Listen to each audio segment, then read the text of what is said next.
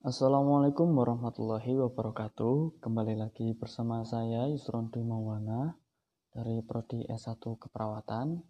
Jadi di sini saya akan e, mengangkat sebuah kasus yang ada di lingkungan saya seperti kasus seperti minggu kemarin yaitu ibu yang tidak mau mengimunisasikan anaknya mungkin dikarenakan e, penyakit yang menjadi imunisasi tersebut itu sudah jarang terus juga memiliki efek samping di antaranya seperti demam tinggi, badan panas dan mereka itu lebih mempercayai pendapat orang lain dan lebih mempercayai internet yang mungkin uh, belum tentu benarnya ketimbang anjuran dari dokter.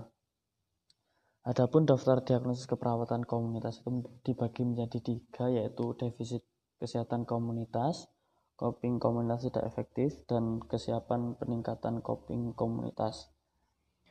Di sini dibagi menjadi tiga, tapi saya akan mengambil salah satu yaitu coping komunitas tidak efektif, tidak efektif yaitu pola adaptasi aktivitas dan penyelesaian masalah yang tidak memuaskan untuk memenuhi tuntunan tuntutan atau kebutuhan dari masyarakat.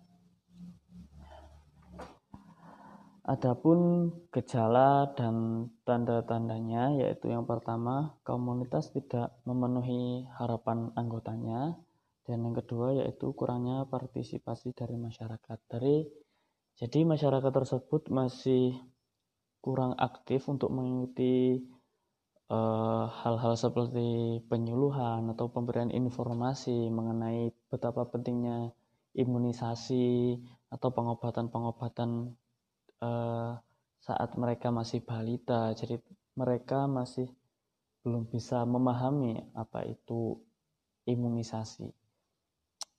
Di sini saya juga akan membahas tentang tindakan keperawatan. Saya akan mengambil yaitu dukungan kepatuhan program pengobatan atau SIKI ya intervensi didefinisikan sebagai memfasilitasi ketepatan dan keperaturan menjalani program pengobatan yang sudah ditentukan.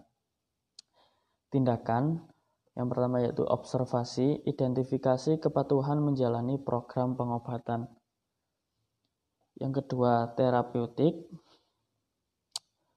E, mereka seharusnya kami membuat komitmen menjalani program pengobatan dengan baik, terus membuat jadwal pendampingan keluarga untuk bergantian menemani pasien selama menjalani program pengobatan atau uh, dalam imunisasi tersebut ya. Yang ketiga yaitu mendiskusi, mendiskusikan hal-hal yang dapat mendukung atau menghambat berjalannya program pengobatan atau e, imunisasi pada balita. Yang keempat yaitu melibatkan keluarga untuk mendukung program pengobatan yang dijalani agar berjalan dengan lancar ataupun si balita menjadi sehat. Yang selanjutnya yaitu edukasi. E, informasi program pengobatan yang harus dijalani Terus anjurkan keluarga untuk mendampingi dan merawat pasien selama menjalani program pengobatan.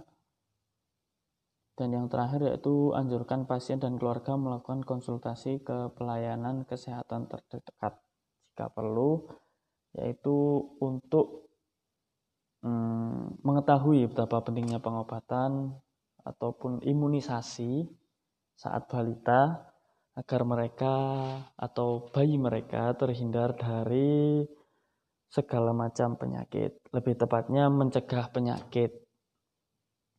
Mungkin itu dari saya. Jika ada kurang lebihnya saya mohon maaf. Wassalamualaikum warahmatullahi wabarakatuh.